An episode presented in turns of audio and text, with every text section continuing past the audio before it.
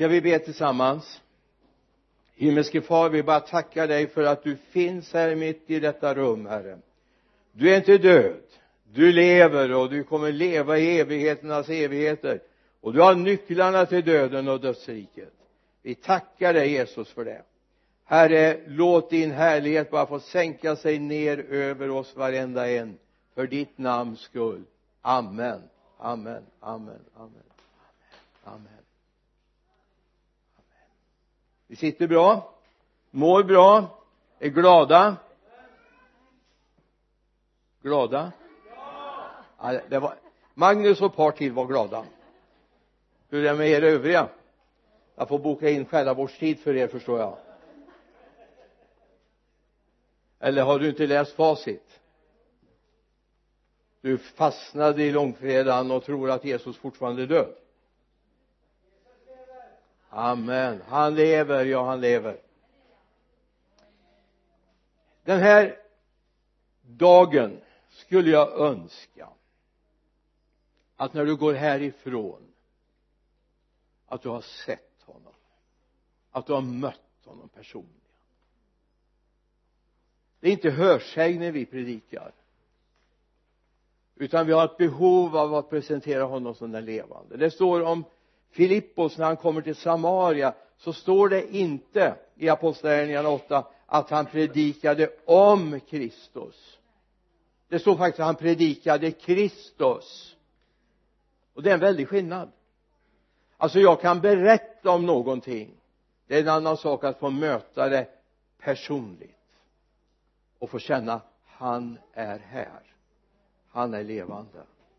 Han är verklighet och det står i det här är inte texten utan jag vill bara ha en liten inledning, en introduktion. Te eh, temat för idag Jesus är inte i graven. Jesus är inte i graven. Jag menar hemma på den kyrkogård där min, eh, mina farföräldrar ligger det finns ett gammalt mausoleum. Det var någon rik eh, pamp hemma i stan som lät bygga ett ett stort begravningshus och där man begravdes då och balsamerade och så vidare sånt får inte förekomma som väl är idag men det tar en jättestor plats på kyrkogården.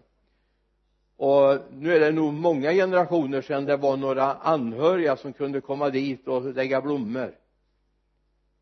Alltså en del har Jesus som ett mausoleum. Jag måste åka möta honom. Jag måste göra vissa saker för att hylla honom men han är ju här.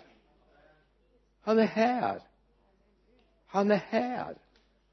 Du behöver inte resa varken hit eller dit för att möta honom utan du kan få möta honom livslevande här. Och det berättar Paulus om en sån händelse eller sådana händelser.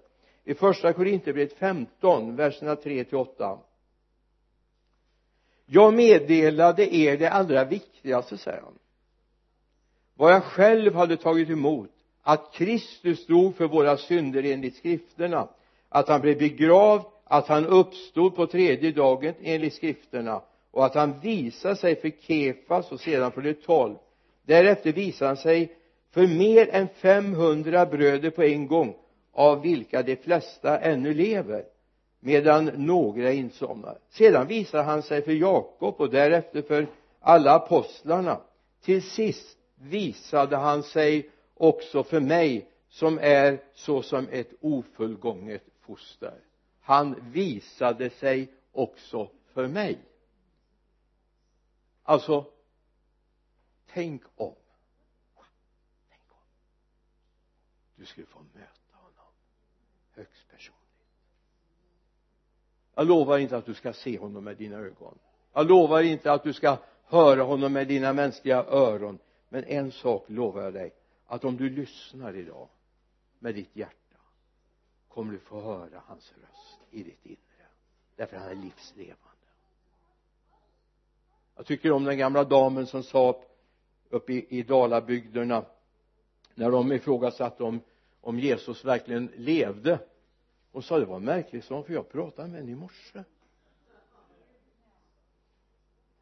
Yes. Du pratade med honom i morse också eller? Och han lever. Så låt oss nu gå till den text som jag tänkte vi skulle ha som grund idag. Lukas 24 verserna 1 till 8 jag sa till några häromdagen att jag älskar Lukas evangeliet när det gäller de här detaljrika sakerna. Han var så noggrann. På den första dagen i veckan gick de tidigt på morgonen till graven med de välluktande kryddorna som de hade gjort i ordning. De fann att stenen var bortrullad från graven och gick in men fann inte Herren Jesu kropp. När de inte visste vad de skulle tro se då stod två män i skinande kläder framför dem. Kvinnorna blev förskräckta och började böjde ansiktena mot marken men de båda männen sa varför söker ni den levande bland de döda? Han är inte här. Han har uppstått. Kom ihåg vad han sa till er medan han ännu var i Galileen? Han sa till att människosonen måste utlämnas till syndiga människors händer och korsfästas och uppstå på tredje dagen. Då kom de ihåg hans ord. Påskdagens budskap är historien förändrades. Påskdagen vittnar om att historien har förändrats. Historien har fått en ny utgångspunkt. Innan uppståndelsen så höll man på med offer dag och kväll. Man höll på med offer varje år för landet eller folkets synd från påskdagen kan vi bara konstatera det är fullbordat. Det är fullbordat. Han har betalat priset. Skulden sonades kollektivt. Det här har en del svårt att ta in. Alltså jag tror både på den objektiva försoningen och den subjektiva försoningen om vi ska tala teologispråk alltså jag tror både på att han har gjort det en gång för alla men också att var och en måste ta emot det. Var och en måste acceptera att faktiskt Jesus Kristus har gjort det. Vi kan konstatera att priset är betalt. Och jag tänkte bara ta en liten bild.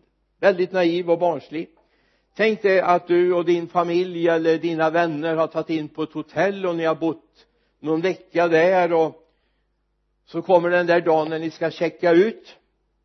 Och då kommer ju det där tråkiga.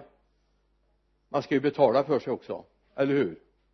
Och så kommer man till receptionen där på hotellet och lämnar in nyckeln och så tittar de på vilket rum du har bott på hur mycket roomservice du har haft och Eh, hur mycket du har ätit i restaurangen och så ska du betala för det här. Och efter en stund så tittar mannen i receptionen upp på dig och säger det är betalt. Och så efter en stund säger han det är faktiskt betalt för allihop på hotellet den här veckan. Ingen behöver betala något. Vilken grej va? Tänk om du skulle uppleva det då skulle du tagit ut ännu mer roomservice, eller hur? Du skulle ha ätit ännu mer i restaurangen. Använt bastun och vad det nu kan vara. Det här är lite grann en bild av att inte bara vi som bott på hotellet ja, det var länge sedan jag bodde på hotell i och för sig men jag har som ett hotell hemma. Men det behöver jag inte betala för varje natt så.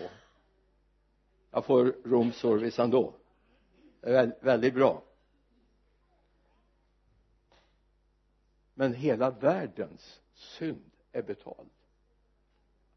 Alltså jag bara känner påskdagens budskap är allt är betalt. Skulden är betald. Även för den djupast sjunkne syndaren skulden är betald. Priset är betalt genom Jesu Kristi offer på Golgata och hans uppståndelse priset är betalt. Så kom ihåg hotellnotan är betald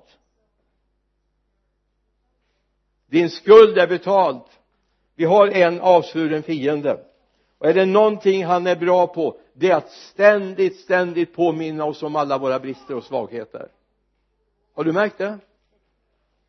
I all synnerhet när du känner dig lite uppe så här och lite glad och tacksam över frälsningen så kommer han viska i örat minns du inte? Kommer du inte ihåg? Och förresten vi behöver inte backa så många minuter så vet du att du var lite bristfällig här va? Det är betalt. Det är betalt. Skulden är betald. I romarbrevets tredje kapitel vers 23 till 25 läser vi alla har syndat och saknar härligheten från Gud. Vi fortsätter till och med vers 25 också. Vi tar 24 nu då. Alla har syndat och saknar härligheten från Gud står i vers 23 vers 24 och det står som rättfärdiga utan att ha förtjänat det. Av hans nåd. Därför att Kristus Jesus har friköpt dem honom har Gud genom hans blod ställt fram som en nådastol att tas emot genom tron. Så ville han nu visa sig rättfärdighet eftersom han hade lämnat ostraffade de synder som förut hade blivit begångna. Det står nu som rättfärdiga. Vilka då? Jo alla de som har syndat och saknade härligheten från Gud. Alltså egentligen i, i vårt mänskliga tänkande kan man tänka så här att ja men vad har de gjort nu då? Har de eh, krupit på alla sina fyra och har de eh, gjort någon väldigt bra prestation för att få stå där som rättfärdiga? Nej han har gjort det. Han har gjort det. Han har gjort det. Han har betalat priset. Och han bröt syndens makt genom att gå fram ur graven han bröt den fullständigt. Du död var är din seger? Du död var är din udd? Udden är bruten därför synden är betald. Och vi står som rättfärdiga. Efesierbrevets andra kapitel säger oss i vers 8 och 9 ty av nåden är ni frälsta genom tron. Inte av er själva. Guds gåva är det. Inte på grund av gärningar för att ingen ska berömma sig ty av nåd är ni frälsta. Inte på grund av gärningar för att ingen ska berömma sig. Och så står det Guds gåva är det. Alltså det är inte en lön. Syndens lön är döden. Men Guds gåva den är frid och rättfärdighet va? Alltså Gud gör inte någonting mot oss för att vi har gjort någonting bra. Romarbrevet 5.8 säger att eh, Gud bevisade sin kärlek till oss genom att Kristus dog för oss medan vi ännu var syndare. Alltså vi har inte gjort någonting för att förtjäna det. Han ger det som en gåva till oss det här är dagen alltså då historien skrevs om. Ingen behöver göra någonting för att stå rätt inför Gud. Gamla förbundet säger att det var mycket man var tvungen att göra för att stå rätt inför Gud. Man var tvungen att offra man var tvungen att gå till templet med ett visst antal gånger under sitt liv. Det var bara ett fåtal saker som gjorde att man inte behövde gå till templet. Om man var barnaföderska så behövde man inte gå till templet och några saker till.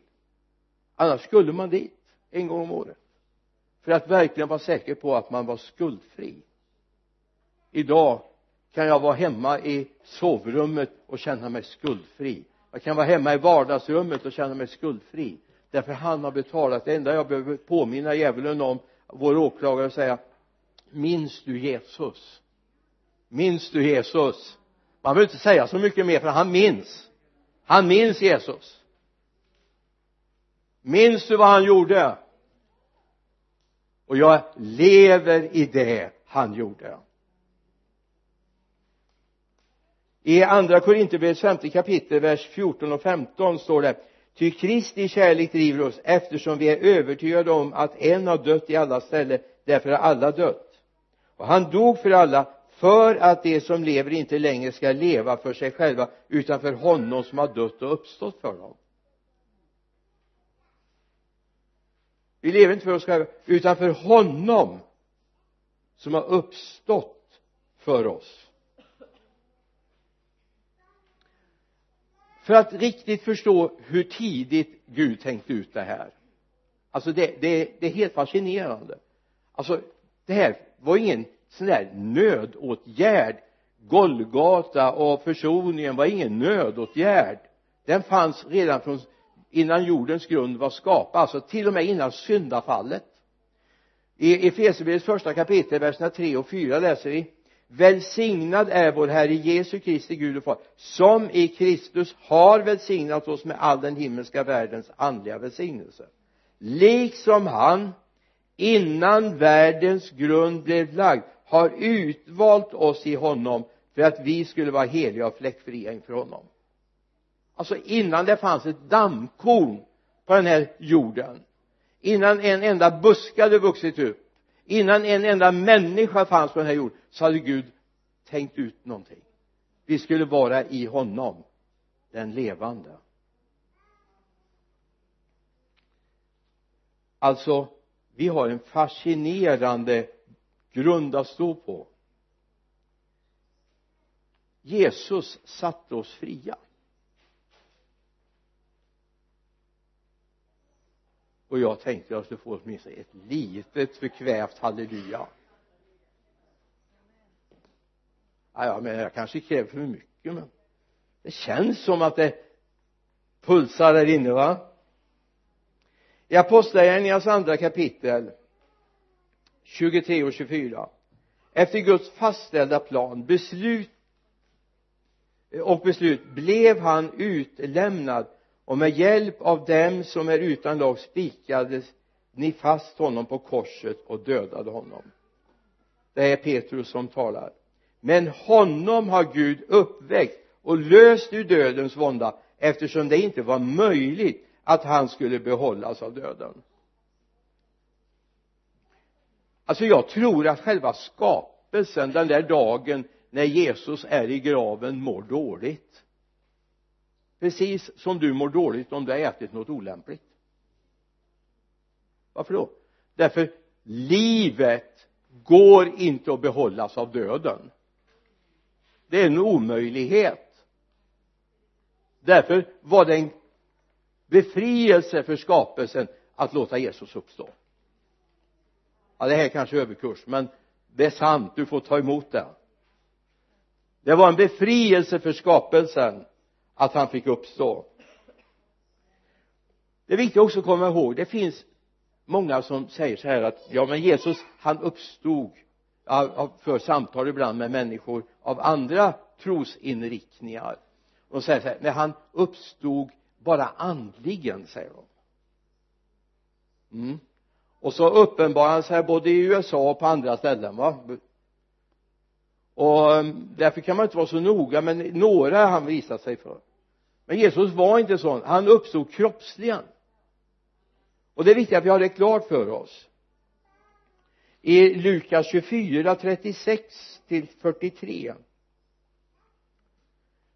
de pratade om Jesus. Så står det medan de talade om detta stod Jesus själv mitt ibland dem och sa frid vare med er uppskakad och förskräckt. Jag trodde att de såg en ande. Men han sa till dem varför är ni så förskräckta och varför stiger eh, stiger det upp tvivel i era hjärtan?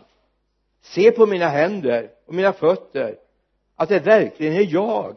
Rör vid mig och se. En ande har inte kött och ben som ni ser att jag har.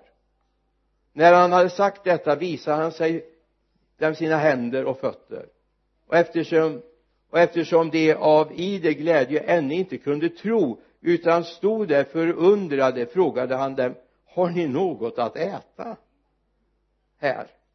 Då räckte de honom en bit fisk stekt fisk som han tog och åt inför deras ögon. Alltså det kan man tycka det är en liten petitess där. Men det är för att visa det här var en livs levande det var kroppen som uppstod graven var inte han var inte upplöst i gaser som jag också har hört vissa trosinriktningar talar om. Utan det var hans kropp som uppstod. Det var hans kropp som blev levande. Det var han och man kände igen honom. Även om man var lite chockad och undrade hur i all sin har det gått till? När han korsfästes lyssna så korsfästes du också. När han korsfästes korsfästes du också din gamla person. Och när han stod upp ur graven så kan du med honom genom dopet uppstå till ett nytt väsende i liv står det i gamla 1917 års översättning. Och det här är viktigt att vi ser. Död först, begraven och uppstå. Rätt ordning ska det bli jag möter ibland kristna bekännande som ständigt lever i nederlag och vet inte riktigt hur det här funkar egentligen va? Alltså man känner ständiga känslor att det här går inte och det här funkar inte och gamla livet bara jagar ikapp mig ständigt. Vet du vad det beror på? Det beror på att du har inte låtit ditt kött bli korsfäst.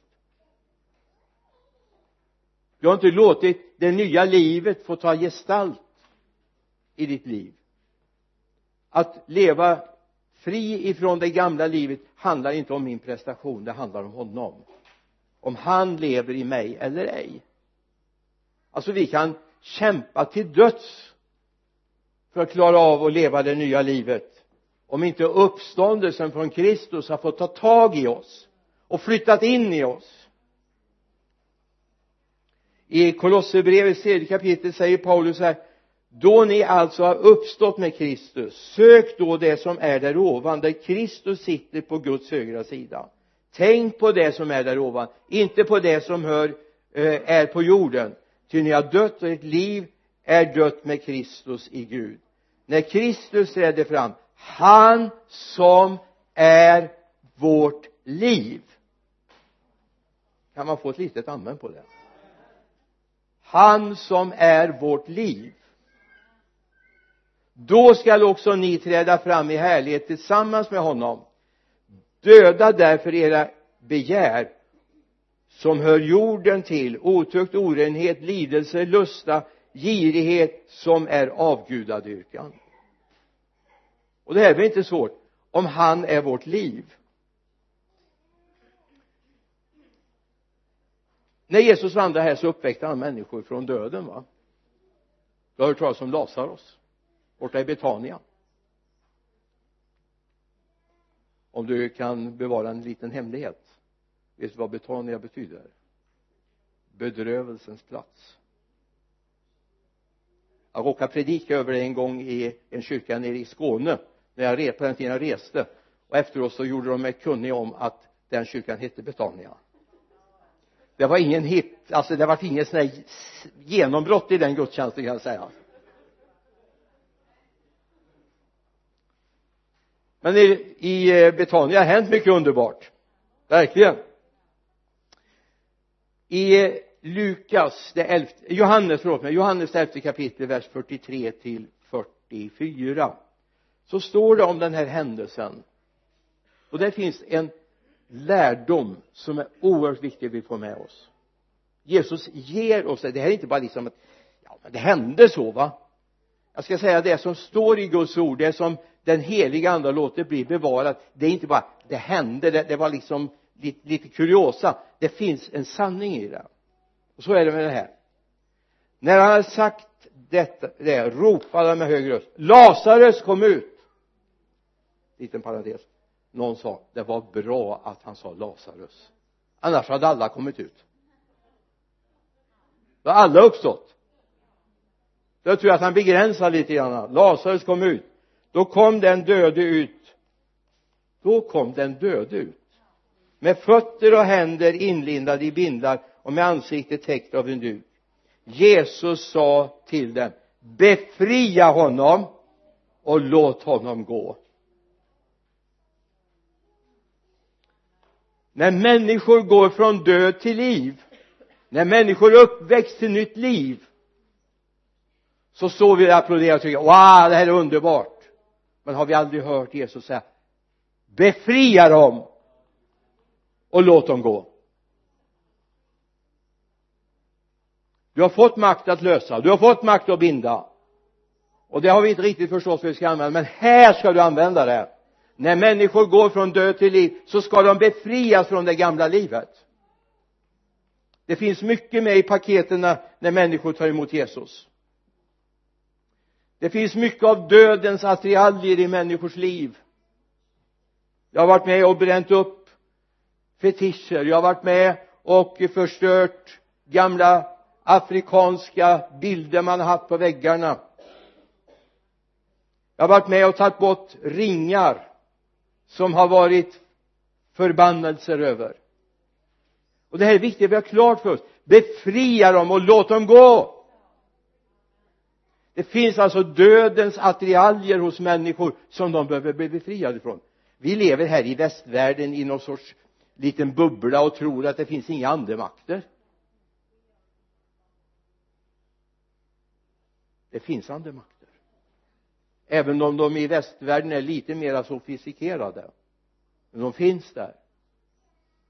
Det finns tillfällen när du ber människor i, när du har bett frälsningsbön med dem och så säger du säg Jesus. Har du sett vad svårt det kan vara ibland att få fram namnet Jesus? Över människors läppar. Det beror inte på att det är svårt att säga Jesus det beror inte på att det är ett speciellt krångligt namn. Eller ett okänt namn. Utan det har att göra med att det finns en andemakt som inte vill att det namnet ska bekännas. Amen. Säg Jesus. Amen. Amen. För det är det det handlar om. Men vi ska vara vakna över det här att människor ska bli befriade från den gamla Adam från den gamla skapelsen. Man ska lämna den bakom sig. Och ibland kanske Gud behöver få skära betydligt djupare än vad han gjort därför vi har mycket av det gamla livet i våra tankevärld, våra beteenden, våra vanor. För att inte säga det som hänger på väggarna och står på byråerna var det nu kan vara någonstans va? Jag har inte själv upplevt det men en kollega till mig upplevde att de bad med en människa och hon kom inte igenom. Förstår du det språket? Hon kom inte igenom. Det blev ingen seger det blev ingen glädje. Så hon, den här kollegan bestämde sig för att jag ska göra ett hembesök i det här hemmet. Eh, kanske behöver be över det här hemmet. Och när hon kommer in i vardagsrummet så ser hon en hylla med massa konstiga prylar står på sig. Vad, vad är det här? Jo du vet jag älskar att resa sånt. Jag har rest, jag har varit i Indien. Ett så här fantastiskt land med alla dessa tempel och var så fascinerad av det och fått med sig lite sådana här husgudar och ställt upp där. Och så låg det några afrikanska fetischer där och det är klart det går inte igenom. Det måste ut. Det måste ut. Därför det finns andemakter som binder människor och det är viktigt vi har klart för oss. Alltså han har brutit dödens makt. Men vi måste också befria och låta människor gå. Ut i den frihet som Gud har skapat oss för. Jesus har öppnat fängelsets dörrar. Jag har hört en gammal gammal predikanthistoria jag vet inte om det är något mer än så. Om eh, en man som satt på livstid i ett fängelse borta i USA borta i i San Quentin Kalifornien. Och eh, det hade skickats in en nådansökan för den här personen. Satt där på livstid. Och det har gått många år. Det hade gått 24 år från brottet hade begåtts till eh, den här dagen. Nu är det ju vet i Sverige har vi en helt annat eh, straffsystem får du ett visst antal år så kan du få om du sköter det efter två tredjedelar bli frigiven då. En viss villkorlig frigivning. Men så hade de inte där men en dag så kommer fängelsedirektören. Han har fått ifrån guvernören att han skulle bevilja nåd. Det var bara att den dömde var tvungen att skriva under att han skulle få frihet. Och han var så less alla präster och alla som hade kommit och, och, och, och försökte liksom uppmuntra honom. Så han höll på att slänga ut även fängelsedirektören. Han sa jag vill inte ha med dig att göra men jag har ett papper här sa fängelsedirektören. Och de här plitarna var ju med och försökte förklara. Nej jag vill inte ha någonting med någon att göra ifrån civilsamhället. Sen eh, han går. Och då säger den här vakten nu gjorde du något, något väldigt dumt. Han hade med sig ett papper. Och det var din nådansökan. Att du var befri, befriad eller beviljad nåd. Du skulle bara sätta ditt namn på. Och nu får vi se om fängelsedirektören kan komma tillbaka. Och det är precis det det handlar om frälsningen. Nåden är beviljad. Nåden är beviljad han har gått ut ur graven. Han beviljade dig nåd. Och nu måste du bara acceptera det. Det finns alltså en objektiv försoning men det finns också en subjektiv. Du måste själv be om nåd. Du måste ta emot nåden och gå ut i friheten. Därför säger Jesus i Johannes 8.36 om nu sonen gör er fria är ni verkligen fria? Smaka på det lite grann. Om nu sonen gör er fria så är ni verkligen fria. Det handlar om någonting. Det handlar om någonting. Att vara verkligt fri handlar om att faktiskt släppa allt det gamla livet till och med minnesbilderna. Jag gillar ett uttryck som Björn Strand brukar säga ber någon mig berätta om någonting som hände före 91 då säger jag jag vägrar att gräva i graven. Jag tror det är viktigt att vi upp, upptäcker det. Att vi faktiskt kan få en ny start i våra liv. Där den nya skapelsen gäller. Det är bara personnumret och namnet skolnumren och hattstorleken som gäller. För övrigt är allt det andra borta. Han har gjort oss fria och vi har nåd ifrån honom. Så finns nu ingen fällande dom för dem som är i Kristus Jesus står det i Romarbrevet 8.1 jag måste berätta någonting och det här får ni ta, sudda bort ifrån. Eller om vi kan pausa lite. Så i natt fick jag be med en syndare till frälsning via Messenger. Det är underbart. Klockan var en bit bort över midnatt. Fick en liten påhälsning. Jag har tappat min tro. Vad ska jag göra? Jag har ingen aning om vem den här människan är. Jag såg ett namn men det sa mig ingenting. Ingen jag känner. Och vi fick växla en hel del budskap fram och tillbaka. Jag skickade bibelord till henne och sa jag har ingen bibel hemma. Hon hade en 1883 års normalutgåva. Och den eh, var sån här faktur, fakturstil så att hon kunde inte läsa den. Så jag fick skriva bibelord och skicka till henne pumpa på med Guds ord i natt. Vad underbart. Så underbart att Gud är med.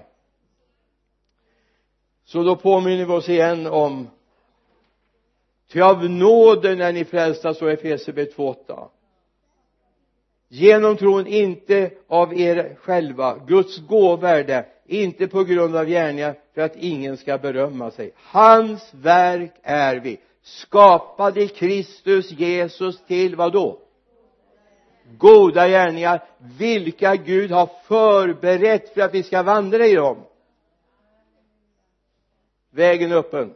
Jag vet inte om det var någon som tyckte jag skulle sluta predika. Jag släcktes lampan över mig här men det ska nog gå bra ändå.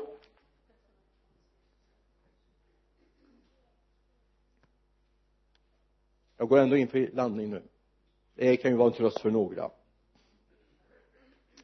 Galaterbrevets femte kapitel vers 13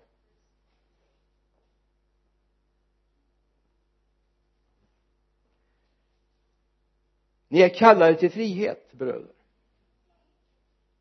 Använd bara inte friheten så att den onda naturen får något tillfälle utan tjäna varandra i kärlek. Du är fri underbart. Låt mig få ta en bild. En del av er har körkort va? Älskar att köra bil. Jag vet några här i alla fall som älskar extra mycket att köra bil. Som har fått det som en kallelse. Ja, jag tycker jag bara bevisar hur stor Gud är va? När jag var ung evangelist så sa alltid en del som var nybörjare att ja Gud är nog sån så att jag vill inte bo uppe i Norrland men säger jag ja till kallelsen så hamnar jag väl längst upp i Sapporo någonstans. Och jag vill vara nere i Småland. Men sån är inte Gud. Jag fick precis de platser jag behövde. De första åren blev vi tilldelade vart vi skulle någonstans. Sån är Gud. Alltså det mitt hjärta längtar efter. Det mitt hjärta älskar av min skapare. Det får jag göra. Jag blir inte tvingad till någonting men Gud har skapat någonting för att jag ska vandra i det. Eller hur? Låt mig få ta en bild om du älskar att köra bil så kan det vara en väldig frihet att köra va? du kan köra vart du vill eller hur? Men det finns några saker då tar friheten slut. Om du tänker du kör på en stor väg och så tänker du så här ja men jag har frihet jag får köra vad jag vill så vänder du ut och kör ut i skogen istället. Genom diken. Alltså det, friheten tar slut. Eller hur? Eller du kommer till en motorväg och så kör du ut på fel del. Så du kör mot, mot mötande trafik. Då tar också friheten slut. Och kan till och med bli ganska allvarligt. Eller hur? Alltså en del säger så här jag har frihet jag får göra vad jag vill. Ja visst. Men det är bara i Kristus du har friheten. Det är bara på vägen du har friheten. Du har inte frihet att välja vad du vill med ditt liv. Utan friheten är att vara i Kristus. Det handlar om ditt arbete det handlar om din livskamrat det handlar om om ditt boende din arbetsplats. Allt handlar det om. Alltså en kristen tänker inte så här att om jag tar det jobbet så får jag lite mer pengar. Utan en kristen tänker så här var får jag vara till välsignelse? Var får jag oroa djävulen mest? Eller hur? Eller hur?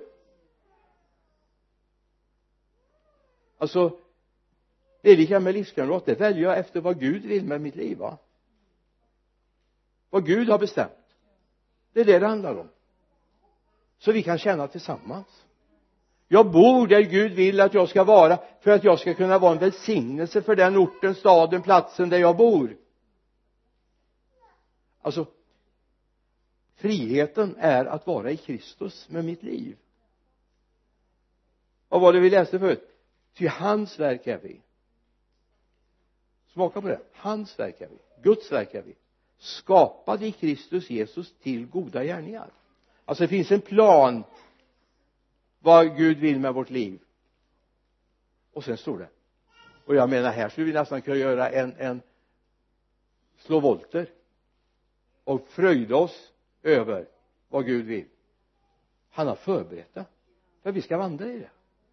Han har banat en väg en farbar väg för att vi ska kunna vandra i det. Vi tackar honom för det. Amen.